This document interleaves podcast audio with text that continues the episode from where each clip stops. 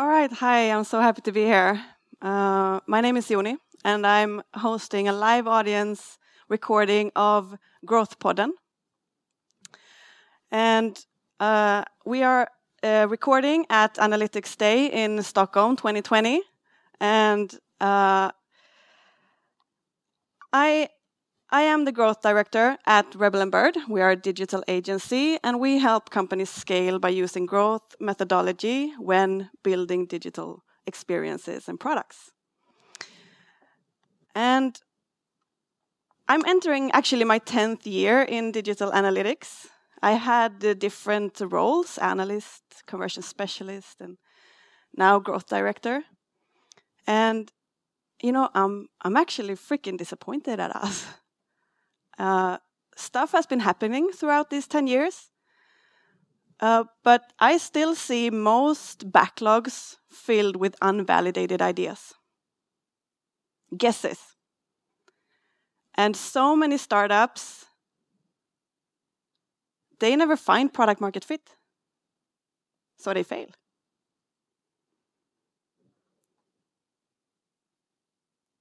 And, and this makes me think like, you know, talented people are wasting valuable time building and marketing things that has zero impact on our world.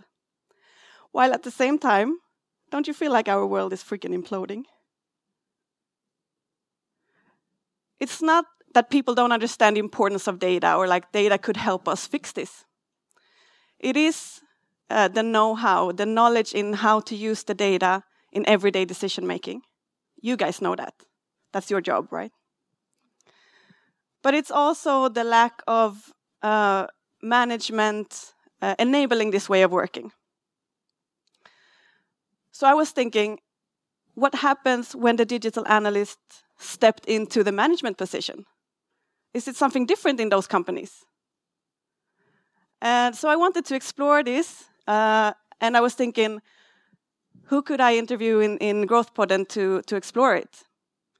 So I invited two of the most experienced uh, people I know who has uh, been working with digital analytics, you know, even before Google Analytics was Google Analytics. Uh, but they are now in management positions. So welcome to the stage, please, Johanna from Paradox Interactive and Joost from Spotify.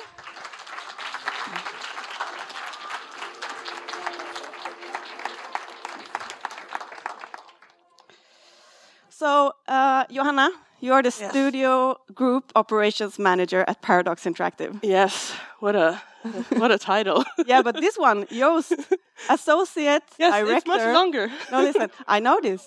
Associate director of com premium conversion optimization. Yes. yes. My last name. Was it? Yeah, yeah, yeah. Yeah. Thank you for coming. Please have a seat. Okay, thanks. So, uh, for me, when I asked you both to come, I was like, you're both super experienced, uh, and I want to get inside your heads to like uh, figure out uh, what's going on in your everyday lives uh, at work. Uh, but also, you represent two of the coolest Swedish companies I know. But I think Spotify, we maybe need no introduction. Paradox Interactive, though, uh, yes. Can you please just tell us a little bit about? How many people have heard about Paradox Interactive? Okay, well, that's a good start. About half. uh, Paradox uh, is a developer and publisher of uh, premium PC and console games. Yeah. So as opposed to maybe um, King, for example, who do free to play mostly, we do uh, premium. So players pay up front, and then we um, try to cater to all their needs, basically. Yeah. Yeah. We're gonna we're gonna get into a little bit uh, later just some differences uh, in your industry compared to maybe web and app analytics. But uh, tell us a little bit more about your role uh, there, your current role. Uh, well, I joined Paradox to build the analytics team in 2016. Um, and I did that for a couple of years. Um, and then for the past year, I've been actually working with all our development studios in trying to, well, that's the operations part. Uh, I do everything related to operations, which is um, knowledge sharing between studios, coordinating, uh, helping out with relationships between the publishing teams and the studios. Um, and that's where I, my background in analytics came in. So I'm trying to promote a more um, analytics friendly or trying to um, see how we can be better developers with the help of data. Cool. We're going to get back to that. Uh, but I want you, uh, Joost, to share what's your role? Yeah, so my extremely long title. So, what I exactly do is like I lead the conversion optimization team. So, we do a lot of testing on the web. Um, we're not responsible for any testing on the app, only on the web. And then we focus mostly on subscriptions, so on getting as many people to subscribe for Spotify as possible. And except that, uh, I'm also responsible for Google Analytics and Google Tag Manager for the whole company. Some big data there. Quite a lot of data, yeah. Yeah, cool. Um, before we get into your uh, leadership roles, I wanted to set the context with asking what are you focusing on right now within your teams? Uh, and I think we can start with you, Joost, because you were touching on it. What is your focus? So right now, now it's working much better. um, so we right right now we're focusing a lot on uh, on getting as many, as I said before, getting as many subscribers in as possible, and we're trying to do that also in the different local markets. As you might understand, in Sweden, for example, it's very clear what kind of payment method you choose, but in other countries that's much different. So, for example, in in APAC or in LATAM, there are a lot of different kind of payment methods where we there need to focus on. Uh, what we're doing, we're doing a lot of high velocity testing. So we try to test a lot. We have, of course, quite a lot of data, quite a lot of visitors, so we can really do a lot of testing. There are not so many very big gains to have had in once when testing, so it's for us it's a lot about small marginal gains. All right. When you say high velocity testing, can you describe that a little bit? So yeah, we do. We have like a quite rigid process. Every two weeks, we drag in quite a lot of tests that we then actually prioritize according to the PIE framework. Um, and with this framework, we might every two weeks drag in between five and 10 tests. And then after two weeks, we do the same process again. And that's how we keep on going and keep on going. Yeah. How do you do you share the insights you get from all these tests uh, only within your team or company wide? Mm, we share them. Uh, we try to share them company wide. So what we use, we use the Facebook for companies these days as well. Yeah. Um, so that we post not only our learnings in the in the group where you want to share it with. Yeah. Cool. We can get back to that later. So, what are you focusing on? Um, well, the team that I built, they are working on, um, um, I would say, A/B testing of player behavior mm-hmm. in our games is the main focus, and we have a couple of, well, quite a few live games. So we have started with a few of them. So I think rolling that out to um, all the games and improving the process of actually acting on the insights that come from uh, all the behavior data is the so how does that work when you a-b test in the in the games that people paid up front yes that's uh,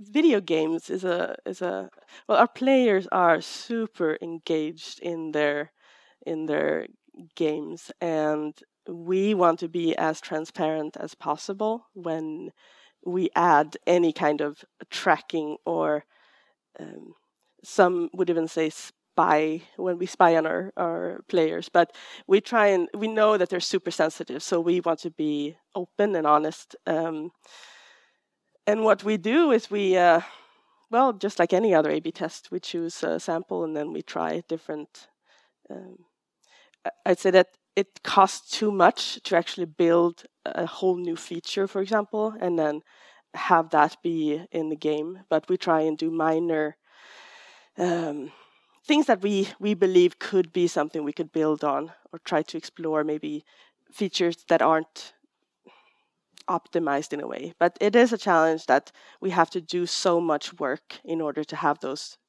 different versions of the game. So there's a there's a limit to how much we can actually change in the tests. Yeah, exactly.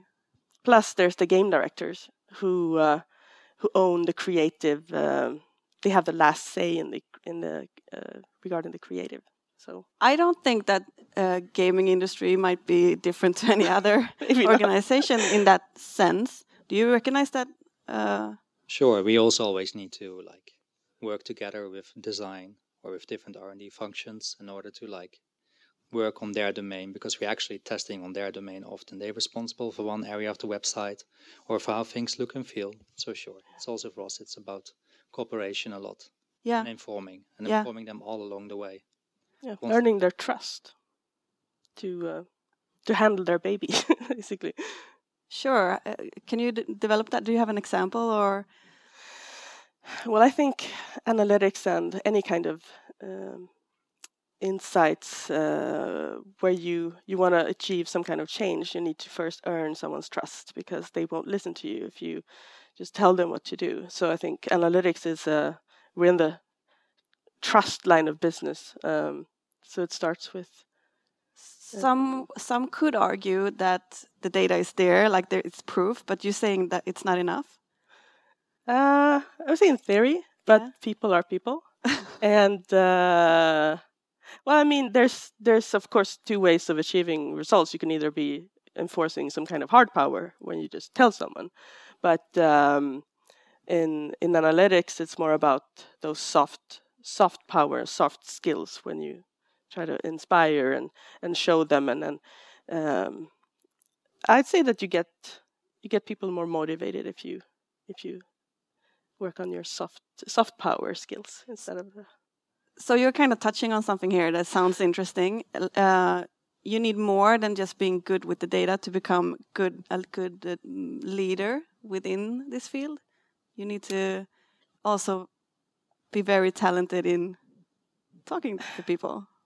Um, if you want someone to change their behavior, you need to uh, um, as long as you're not their boss who can either fire or set your salary, you have to use different tools. Yeah. So uh, yes, I would definitely argue, and that you you get um, better results, you get people more motivated, and uh, I think that's. Do you share the same experience? Yeah, sure. I mean, you need to kind of like, um, with pretty much everybody in one way or another, you need to engage them in your testing. So when it comes to, for example, developers, like a lot of developers, like also doing all the experience I had for years with Conversionista, they just work according to a ticket system more or less. Like, okay, it's one ticket, and then I take the next ticket again, and then I do the next thing again. And instead, if you work with them, hey, do you not actually want to see what your work actually gave for improvement? Like, because that actually gives them also much more satisfied, satisfied feeling. So with working with them in that kind of way, it's so much better, both for them and for us. And that's how we try to prove everything with testing. Like, hey guys, if you test this, you actually know what in the end, what you help this company with. And that's how we work with, for example, them. And when it comes to, for example, design, they also sometimes don't get the space to, to test all their the things they actually want to test because they often have loads of great designs. So working with them directly and not only like pushing our stuff on them, but also testing what they want to test. Sure. So you both actually started at uh, your respective companies at, in 2016. And yeah. I think that you share the experience of being the first one. So you had to build your teams. Can you talk a little bit about how it was coming in? Um, what was your first uh, assignment? Um, my first assignment was actually to go through the whole website and see what's broken, what's not broken, more or less, like what I thought we should optimize. But in theory, I was at that moment. At that moment, there were no. Um, I had no developers. There were no. Uh, I didn't have a designer in my team. There were no analytic people. So it was really like, yeah, kind of like trying to see with being blind at the same time, more or less. So uh, it was focused in the beginning. It was on recruitment. Yeah. And also there was no tool at the moment to actually do all this testing. So also that needed to be acquired first. So the first year was a lot about finding the right talent, hiring the right people, um, getting trust within the organization as well, and finding the right tools. So trust within the organization. Who brought you in? What was what was your leadership's motivation to bring you in, and what did they ask you to accomplish within the first year? So, for example, one of the things was to to try to do more localization, to give more like, um, well, let's say, um, for example, um, a lot of the development is done in, in, in Europe and in the US, and maybe Asia didn't get all the love that they wanted. So help them out with, for example, doing more tests to show that the local approach works. So all that kind of things. That was kind of what we brought in for. Yeah. Cool. Can you tell me about your? Um, well, I, I, was saying before how usually data and and uh, those kinds of uh, tools were used in the free to play uh, on the free to play scene, but um, I was hired to explore and see if we could find some way of bringing value into a premium uh, premium business model. What, what was your background before you came to Paradox? Ooh, uh, I was well. I've been a digital analyst forever, um, so that was my my background. But I I was always very interested in in uh, all aspects of uh, of analytics. So I think what brought me to Paradox was my my T-shaped competence. So mm-hmm. digital ana- analytics was my my main um, expertise, but I have dabbled in all kinds of market research and um, working closely with UX designers, for example, at another company I was working at. Um, so I think the having having the a full perspective of what we could do with uh, with this function was probably what what brought me to Paradox. Yeah, and you was the first one in, and what was your first? No, I wasn't the first one in. Um, there'd been uh, a couple before, but I think the the difference when I came in was that um, my manager separated the function of analytics from the DevOps team to be uh, a team of its own and then exploring and working more closely with the other parts of the organization. Okay. So that's what happened in, in 2016. All right, cool. Uh, and Joost, you came from Conversionista before you entered? Yes, I did. Yeah? yeah. So I'm thinking that you, you have a lot of experience uh, seeing different companies uh, trying to achieve high tempo testing, high velocity testing culture yeah. Uh, or and process. Um, what would you what would you say you've learned from those what are those who are succeeding what are they doing um, so yeah we worked with quite a lot of companies in the time i worked for conversionista for about three years i think and during these years you pretty much saw that um, when also higher in the company people were data driven and also like they they didn't lose faith directly. So a lot of people sell A/B testing like, "Oh, you're getting all this great conversion uplifts," and like then you see that, but often doesn't happen directly, and then a lot of people lose interest, and after time it dies out, kind of. So when there is more of a data-driven culture high up, um, then it often worked already much better. So I think one of the ways like we tried to do it at that time was like you don't only sell conversion uplifts, but you sell learnings yeah. about your customer. So even things that actually don't work out or don't give you this extra millions more, but still you have actually learned something about your customer. So it's still very valid information. Or maybe you saved actually a lot of money yeah. by not going into that direction for real into production, for example. So if you do things that way, um, and if that kind of thinking is in the whole organization, then often it was easier to like get them into the rhythm of high velocity A/B testing. Yeah, and I remember we had a lunch in the fall uh, where you you told me that uh, leadership when you came into Spotify they didn't ask you specifically to increase this number, but to increase the tempo of the experiments. Like how many learnings can we get in this amount of time? Exactly. Yeah. Yeah. And uh, to me that resonates so well. Um, can you talk a little bit of, of how that like made you approach this uh, differently than if you would have gotten like we have this metric increase it by 20 yeah i think it gives you a lot of like you're more relaxed you don't feel on that under that much pressure in a way like you need to come up with this brilliant idea you get to have more long-term goals so for example right now we work with like yearly hypotheses or even like longer hypotheses i could call them north star goals in a way yeah and then we do test according to these north star metrics so everything is kind of defined under these couple of metrics. So we don't need to have this like big shot approach and one test. Yeah. And then we need to make sure that we are worth our salaries. We can slowly work into that direction. And then every time we learn something new. So we just say like, oh, this this month we learned 30 new things about our customers. Yeah. In the US, for example. And what I've noticed uh, is that when when that is your assignment, uh, how can we test as many things as possible, or how can we learn as much as possible? Uh, you start by focusing to set up uh, the, the infrastructure to be able to to get this tempo, and then you get into because ob obviously you have to optimize for a metric, you have to have a goal, uh, but then you focus on the infrastructure first, and then you can run. Exactly. Yeah. yeah. Um, so yeah. Do you also focus on that? Do you have that mindset at, at Paradox? Yeah, but I mean, it, it would be wrong of me to to comment on what what the metrics of the current analytics team uh, is, but for sure. Um, to build the infrastructure around how to use the data within your organization. yes. Yeah, cool. Uh, so if we if we take a step back, and I kind of like to ask this question, uh, what what has been your uh, biggest uh, fuck up throughout your career? Yes. Going first. How much time do we have?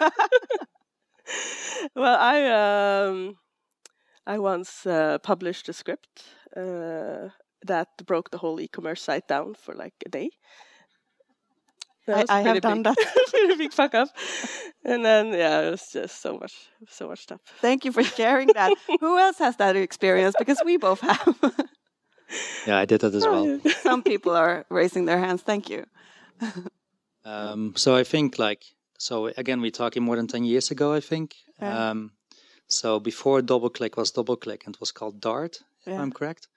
Then uh, somebody told me like instead of um, Google Ads slash AdWords, um, use Dart instead for doing all your campaigns.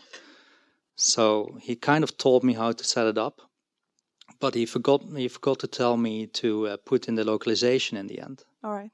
or I forgot to do it Yeah. so the AdWords campaign went global instead of only in the Netherlands or only in Denmark. I don't remember. so it costed around, I think, 500,000 crowns in two days.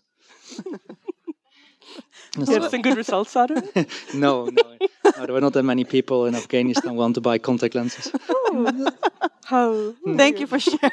Yeah. That's awesome. Uh, who else have a similar experience? No, you were alone with this one, Joost. so um, fuck ups usually brings us to uh, the biggest learnings, right? And I wanted that is my follow up question. It doesn't have to be around uh, this uh, mistake, but what what is your most significant learning that you uh, are using in your everyday leadership or in your everyday work? Um, I think this is more of a general learning. Uh, never underestimate the the communications part of any any kind of uh, work you do. But like it's it's really complicated sometimes to communicate with with people who are not sharing your expertise or do not know everything that you know. Um, so just making sure that we are all aligned, that we we are talking about the same things, um, is uh, probably one of my key learnings. Never assume. Yeah, uh, that sounds really healthy. How do you how do you uh, actually go about uh, making sure that you are living this? Well, me personally, I usually ask the person. So, um, what what are we doing here? Um, and then make them repeat or, or have their their take on um, the project or what we are, have agreed upon, or um, just It sounds awesome and super mirroring. simple. Yeah, So it is. It's super simple. So let's say you are in, in a you're in the beginning of a project yes, and you have some sort of scope and brief. yes. You enter the so room. we are talking about complicated modeling and AI and like all the the stuff we talk about. And then Yeah. when you have a conversation with with a game director, you Yeah. okay. So what are we trying to achieve here? so you let them like Yeah. brief you again. Exactly. So mirroring, brief and brief and debrief and Yeah. brief. and then I I understand if if if we're speaking on completely different uh, levels here. Yeah. So super simple, but it's very powerful. Yeah, it sounds super powerful. What is your uh, what learning and how do you use it in your everyday management? For us, it's really important to keep on making mistakes. Yeah. Kind of, and also to to be really pushy in general. So, like for our team, if we haven't pissed off anybody in a week, that's a bad week. So that means that we haven't pushed like the limits of people like far enough. So we do want to kind of like do that. Yeah. So this does not mean that we want to piss off people in such a way that they don't want to work with us anymore. But we do want to like like if you don't push that you get some kind of conflict, it means that you're trying to do your test too safe. That you're not. So, uh, okay. Uh, so making making asking the uncomfortable questions or Exactly. Yeah. Yeah. okay to me that sounds uh, awesome, but it also sounds like it demands some very safe environment, like a leadership. Um, how, what do you do to really like make sure this is possible? Um, so at least within the team, then we can well, at least as far as from my perspective, of course, like we can be fairly honest to each other. So we do every couple of weeks this like stop, start, and do more feedback sessions where we all say to each other like, "Hey, I want you to do more of this. I want you to stop doing this, and I want and I like what I'm seeing here." So we're doing all that kind of stuff. So we kind of try to make a little like very close knit that group Mm. where we can be very honest to each other. Yeah. So that makes it kind of like yeah. Cool. Let's talk a little bit about your team. How how many people do you have on your? Um, right now we are about seven. All right. So And- three developers, Yeah. two in London and one in uh, one in Singapore. Um, and then we have a designer and two analysts, one data engineer analyst. Yeah. Yeah. And uh, recruiting this group you have been doing uh, throughout three years. Yeah. Yeah. And how much time do you spend with the recruitment? So quite a lot and trying to be really proactive with that. So not like, oh, now there's a need, now we need to recruit somebody and trying and then like do it really, really quick. Mhm. So actually try to be proactive and already have people beforehand that you know that you are interested in Mm. and then you can approach them later on. Yeah. So we really try to do it like that. Because otherwise like you are recruiting somebody when you're already stressed Mm. and then you give them often a bad first impression of the work as well. So it's much more better if you already like if you know like okay in half a year this is going to happen. So the three months before I need to recruit, so then I can actually have a good time learning up this person. So then it can start. He or she can start. Sounds healthy. Yeah, I mean it's easier said than done. Yeah. yeah, I know. I try to recruit people too. how do you? h- How does your analy- analytics team? Uh, what? What? Is, how many are you? Um, right now, when we started, it was a, a data scientist and a data engineer.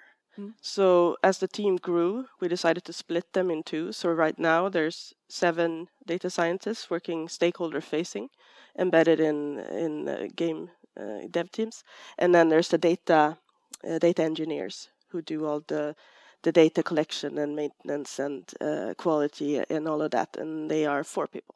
All right. So working um, really closely together, but two separate teams.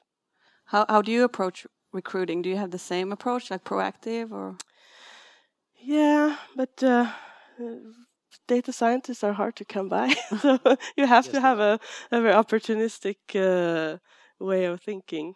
I think for me personally, I would I would rather find the right person with the right attitude and with the right fit within the team. So have a a mix of people who are maybe super analytical and, and loves to dig into stuff and then balance that out with someone else who is more of a good enough type of person so that we can be a little bit more uh, faster in in uh, in turning well faster turnover. Um, but I would I would rather hire someone who I can teach who, or who has some learnings to do within a certain tool or or language or something. Because things also move so fast like next year maybe it's it's not uh, it's not R anymore it's uh, something else or whatever. So um, I'd rather have people who want to learn and and and uh, develop than than find that perfect gold nugget. Yeah, we, uh, we talked uh, prior to this. Yep. You told me that you rather hire for soft skills if you if you if you have to choose. Uh, and one reason for this was also this communicative Yes. uh, aspect. Exactly. So it's you can you can teach someone a, a hard skill, but having those uh, stakeholder conversations and really pe- pe- people that that uh, are passionate about about the product or in our case about the game is is going to make things so much easier when implementing change or uh, trying to just um, get things uh, get things done. Yeah, because uh, the analysts are rarely the person who sits on the decision power. No, So the analysts are fueling decision makers. exactly. and then you need to be able to communicate your data so it doesn't matter how much quality you have in your collection or how skilled you are at uh, taking the the insights perfect number, but you don't understand it, and it's it's not worth it. yeah. Yeah. All right um, so what would you say is the next big thing for you and your team? Uh, skill wise or focus wise or? Yeah, I can start. Um, so one new area where we are, are adding to the team as a skill is going to be SEO. all right So we're also going to focus on that for 2020. all right So that's going to be like a fun new journey. What drove that deci- decision? Um, well, mainly that like there is still a lot of lot to do there. Mm, okay. So that's the, the, the biggest reason for for actually doing that one. Yeah, but that's an interesting. Mm, cool. Yeah, and except that, um yeah, no, pretty much what we're doing right now. Yeah. And for for Paradox and the data people. Yeah, I think we have always um, we have suffered from a weird combination of making decisions about which games we we invest in early, like three to four years before we um, we launch, and that's uh, a long time, and a lot of stuff can happen uh, during that long um, development cycle. So what we have done in um, last year, we have experimented with early access um, just to get more get data before the game is actually uh, done. So getting those insights um, as soon as possible. But it wasn't all about data collection. It had a lot of other business uh, reasons why we did that too. Yeah. But one of the perks about it was that we got data sooner. Yeah. Cool. I wish we had more time to talk. Uh, I'm going to wrap this up. Yeah, I'm going to wrap this up by um, my key takeaways uh, from this discussion is that I started the introduction by saying like management need to, uh, in a greater extent, extent, enable this way of working. But I feel like uh, you guys are actually working with promoting this way of working. It's not it, enablement is not enough. Like you are out there talking to many people, uh, cross-functional within your uh, company, and I'm gonna start using that word instead because it, that is a powerful uh, difference, I think, and um, also the focus on uh, creating a learning organization and set the stage for how do we learn as much as possible in the shortest amount of time possible. Do you have any uh, takeaways from this talk? I don't know. No, I think you had the two yeah. two most important ones at least. yeah. So yeah, and I think like as we said, like recruitment is really important that you recruit the right people. Sure. So you are as agile as you can be, Yeah. Because otherwise you're always dependent on other people for doing your test and for making your designs or for doing the copy, for example. So the best thing is to have a lot of like all this deep knowledge in within your team. Yeah. Thank you so much, and thank you for listening. And if you want to uh, continue listening to Growth Podden, you can find it at Spotify uh, or other platforms. Uh, Which other platforms? there are no other platforms. uh, thank you so much. And I you. think uh, there is coffee now. Do you want to take over, Andreas? Let's just give a round of applause.